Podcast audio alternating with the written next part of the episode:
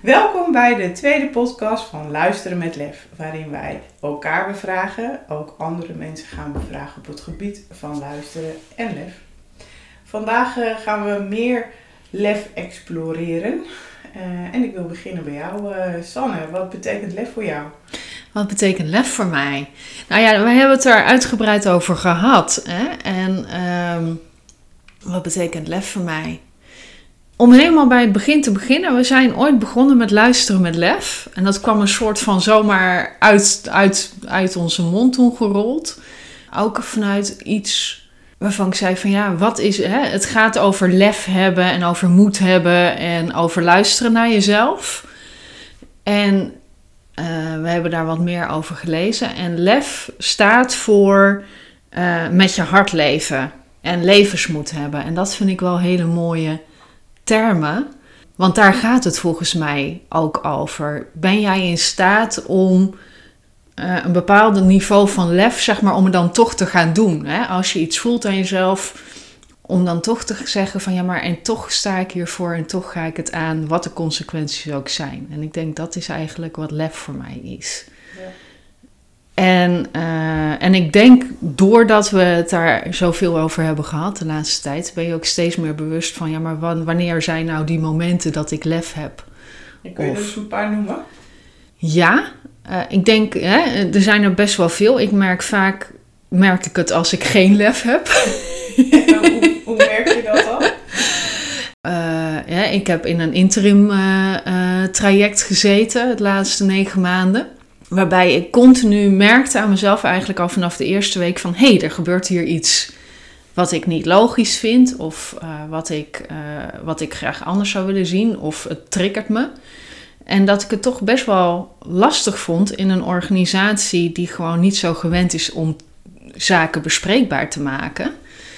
Uh, dus om, om, om dan toch dingen bespreekbaar te maken die belangrijk zijn. Nou, ik vond het best wel lastig om gewoon die gesprekken te voeren. Ik moest daar best wel wat voor doen om het gesprek aan te gaan. Ja, en wat ik je hoor zeggen, uh, ging het ook heel erg over trouw zijn naar jezelf. Ja, ja, en dat, dat hoort voor mij ook heel erg bij lef en over, en over luisteren met lef. Het gaat erover. Uh, hè, je bent zo, ik, ik ben in ieder geval heel erg gewend om in organisaties te werken waar het heel vaak over ratio gaat. En over protocollen en over data en over, uh, nou ja, over rationele dingen. En heel vaak voel je hè, vanuit je intuïtie en vanuit je guts dat er dingen niet kloppen of dat er dingen niet uitgesproken worden. Dat het eigenlijk daar niet over gaat. Dat het daar eigenlijk niet over gaat. En, en, en ik heb daar wel in de laatste tien jaar uh, een hele reis in gemaakt met hoe trouw blijf ik dan ook aan dat gevoel. Ook al is dat gesprek over dat gevoel uh, wordt dat niet altijd gewaardeerd of wordt dat misschien wel als minderwaardig gezien? Want je kan het niet vangen in een KPI en je kan het niet vangen in een rationele uh, model, hoe graag we dat misschien ook met elkaar willen, maar daar gaat het niet over.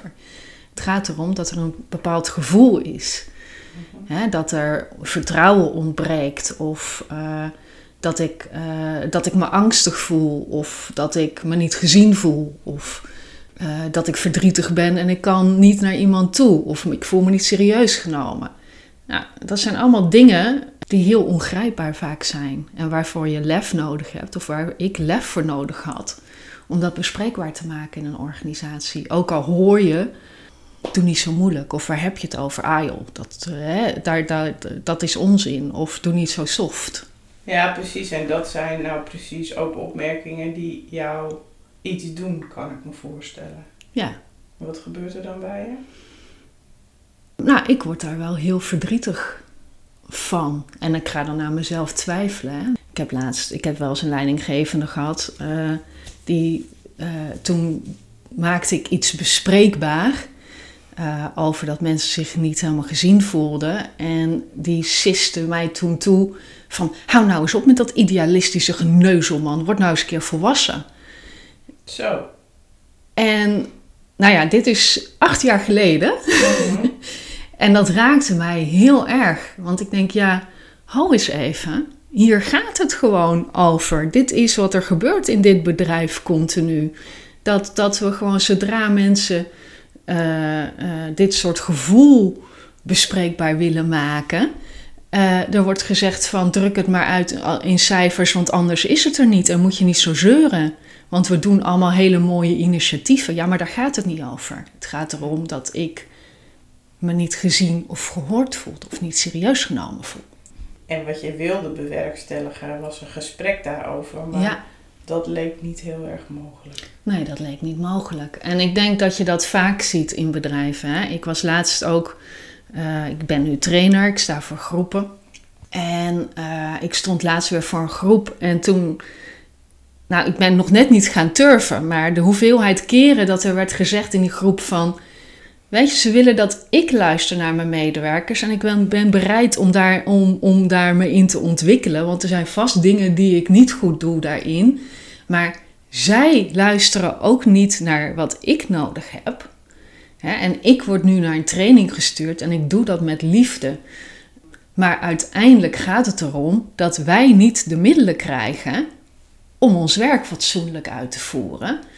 Toen dacht ik, ja, dit is dus echt iets waar het continu voor mij over gaat. Zie je wat, er, wat jouw mensen nodig hebben? Zie je wat jij nodig hebt? Zie je wat je mensen nodig hebt? En ben je in staat om iets anders te doen dan dat je voorheen hebt gedaan? Ben je bereid om te kijken naar jouw eigen functioneren daarin? Je eigen aandeel in het En je eigen aandeel, ja. En dat geldt net zo goed voor die groep waar ik in stond. Ik zei van ja, tuurlijk hè. Uh, er wordt misschien niet naar jullie geluisterd. En wat kan jij daarin nou veranderen? Hè? Dus we kunnen daar continu over praten. Hè? Dan wordt het een soort van klaaguurtje. En uiteindelijk gaat het erom, ben je bereid om te zeggen van nou, tot nu toe ben ik niet in staat geweest om, uh, om daar effectief in te zijn. Nou, hoe kan ik dat dan wel voor elkaar krijgen? En wat heb ik daarin te leren? Mm En nou hebben wij uh, uh, deze podcast-serie gestart. Ja. Luisteren met lef. Waarom uh, ben jij dit aan het doen? Nou, ik denk... Ik denk omdat ik ook te vaak zelf het gevoel heb gehad van... hé, hey, er wordt niet naar mij geluisterd. Uh, en maar realiserend ook dat ik het gewoon onwijs belangrijk vind dat er meer wordt geluisterd in organisaties naar elkaar. En daarom vind ik het zo belangrijk om ook deze podcast met jou te doen. Mm Ja, voor mij is het ook wel de uitnodiging naar mezelf om, uh, hè, om nog beter te luisteren. Of nee, niet naar mezelf, maar naar de mensen ook die, die luisteren. De uitnodiging te doen voor hoe goed luister je nou eigenlijk zelf. Ben je vooral heel erg bezig om begrepen te worden of wil je ook zelf begrijpen? En wat doe je op het moment dat je er last van hebt dat je niet begrepen wordt? Ga je dan nog harder praten of schreeuwen? Word je boos, zagrijnig, uh, verdrietig misschien ook wel? Uh, of denk je, hmm, wat is hier nou toch aan de hand? En toon je ook het lef Um, om te horen wat er misschien ook wordt gezegd, maar niet zo leuk is. Ja. Als een soort van verkapte feedback uh, waar je misschien zelf mee aan de slag kan. Ja, precies. Of, of geen feedback, wat ook feedback is. Daar waar volledige stilte komt, is dat misschien ook wel uh, een antwoord. Ja. Ja. en wat doe je daar dan? Ben je in staat om dat te zien en te horen en, en uh, daar een draai aan te geven, hoor ik je dan ook zeggen? Ja, precies. Uh, ik vind dat een vrij ingewikkeld concept. Geen, geen contact of stil, volledige stilte. Uh, en tegelijkertijd is het natuurlijk heel duidelijk. Ja. Wat maakt het voor jou zo'n moeilijk concept? Nou, in basis ben ik heel erg van mensen zien. En uh, in contact zijn en in contact blijven. En voel ik mij trouw en loyaal. En op het moment dat er dan ineens niks komt, dan ga ik aan mezelf twijfelen. En denk ik, wat heb ik in hemelsnaam zo ongelooflijk verkeerd gedaan om te denken uh, dat dit oké is. Ik, dus ik snap het gewoon echt heel lang helemaal niet. Nee. En ik ga, net als jij, ik ga aan mezelf twijfelen. En ik ga heel erg zoeken van wat had ik nou anders moeten doen. En het lef wat ik daar op dat vlak in heb gedaan. Jeetje. Uh, wat gebeurt er nou? Nou ja, weet je, ergens wordt er natuurlijk bij mij heel veel geraakt. Eh, want dan word ik niet gezien en kennelijk ehm, is er ook geen behoefte om mij te zien. Dus ik word daarin afgewezen. Dat vind ik niet zo leuk. Nee. Ehm, en wat ik de laatste jaren aan het doen ben, is, is te accepteren dat diegene dat dan niet meer wil. Ja. En het lef te hebben om niet het maar continu bij mezelf neer te leggen. En te denken, nou dat is dan. En het patroon waar ik, wat ik ken is dat ik dan de, elke keer maar weer opnieuw ga proberen om te kijken of er dan toch niet iets mogelijk is. Of elke keer weer bij mezelf te raden te gaan, wat had ik nou anders moeten doen? En het level wat ik nu naar mezelf toe heb ontwikkeld, is dat ik denk, en, en nou is het klaar. Ja. Het is gewoon genoeg. En mogelijkerwijs mag jij ook wel een keuze maken, want op deze manier wens je niet met mensen in, uh, in contact te zijn. Nee. Dus een soort van acceptatie en afsluiting in plaats van het continu uitreiken naar een ander. Ja, precies. In een relatie, ja, dat weet jij zelf ook, gaat het over geven en nemen. En het gaat over uitreiken naar elkaar toe. Ja. Maar als de ene wel uitreikt en de ander niet, dan op een gegeven moment houdt dat dan op. Ja. De, en, de, uh, en als de ene niet meer wil, dan wil die niet meer. wil nee. die niet meer. Ja, dat is wel heel lullig voor mij, maar dat is dan zo. Uh, en dat is natuurlijk um, in de situatie van jou met die, met die werkgever ook zo dat je op een gegeven moment denkt, ja weet je, ik kan wel blijven uitreiken, maar op het moment dat jij mij niets van wat ik jou aanreik aanneem, dan ben ik er wel een beetje klaar mee. Ja. Nou ja, hè, als je elke keer een klap krijgt, uh, hè, uh, want je steekt een hand uit en je krijgt ongeveer een vuist in je oog terug. Uh, of zo, tenminste, zo voelde die voor mij aan, meerdere keren. Ja, op een gegeven moment, hoeveel blauwe plekken wil je nog? en dat ja. hoor je, en, en, en nog steeds, en ik weet niet hoe dat voor jou is, zit daar dan nog steeds van, maar wat had ik dan kunnen doen om het wel geaccepteerd te krijgen, om wel die opening te krijgen. En, um, ja. en, uh, en voor jezelf te staan en voor jezelf op te komen, volgens mij. Dus dat leg ik er nu bij. Ja. En bij mij kwam er ook nog zoiets als jezelf niet buitengewoon serieus altijd willen nemen. Ik bedoel, ja. waarom moet alles wat je aanraakt lukken? Uh, en wat is de waarde van ook afronden? Mooie. Ja, en ik denk, hoe goed, hè? jij zegt ik ben dat nu aan het leren, hè? afronden. Hoe, hoe, hoe goed ben je daar nu in? Is dat iets waarvan je zegt van, als je jezelf daar nou eens een cijfer voor geeft, hè? Uh, afronden, accepteren, niet meer uitreiken. Hoe, waar zit je nu? Volgens mij begon ik ooit op een 1. dat is wel belangrijke informatie.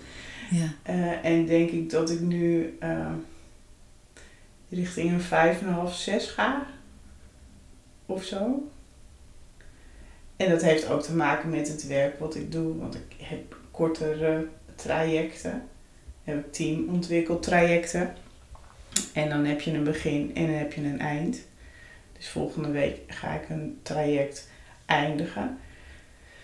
En vroeger vond ik dat altijd heel vreselijk en dacht ik, oh mijn hemel, die mensen ga ik nooit meer zien. Uh, en nu denk ik, ik heb het hartstikke gaaf gehad met die mensen. Ik heb er heel veel uh, mee bewerkstelligd en ik denk dat, ze, hè, dat we samen leuk en goed hebben gewerkt. En het ik heb er ook behoefte aan uh, dat er een, een punt komt. Ja. Daarin klinkt voor mij ook een soort van afstand of zo ergens. Of afscheid al nemen ergens. Ja, ik heb, dat heb ik geleerd in de opleidingen die ik heb gedaan. Met name mijn systemische opleidingen. Uh, dat uh, voordat je begint, dat je al het uh, afscheid zeg maar meeneemt. En dat deed ik nooit. Nee. Want ik begon altijd wel, maar het mocht nooit eindigen. Maar dat is, dat is in een leven een soort van niet helemaal te doen. Want je komt honderdduizend mensen tegen.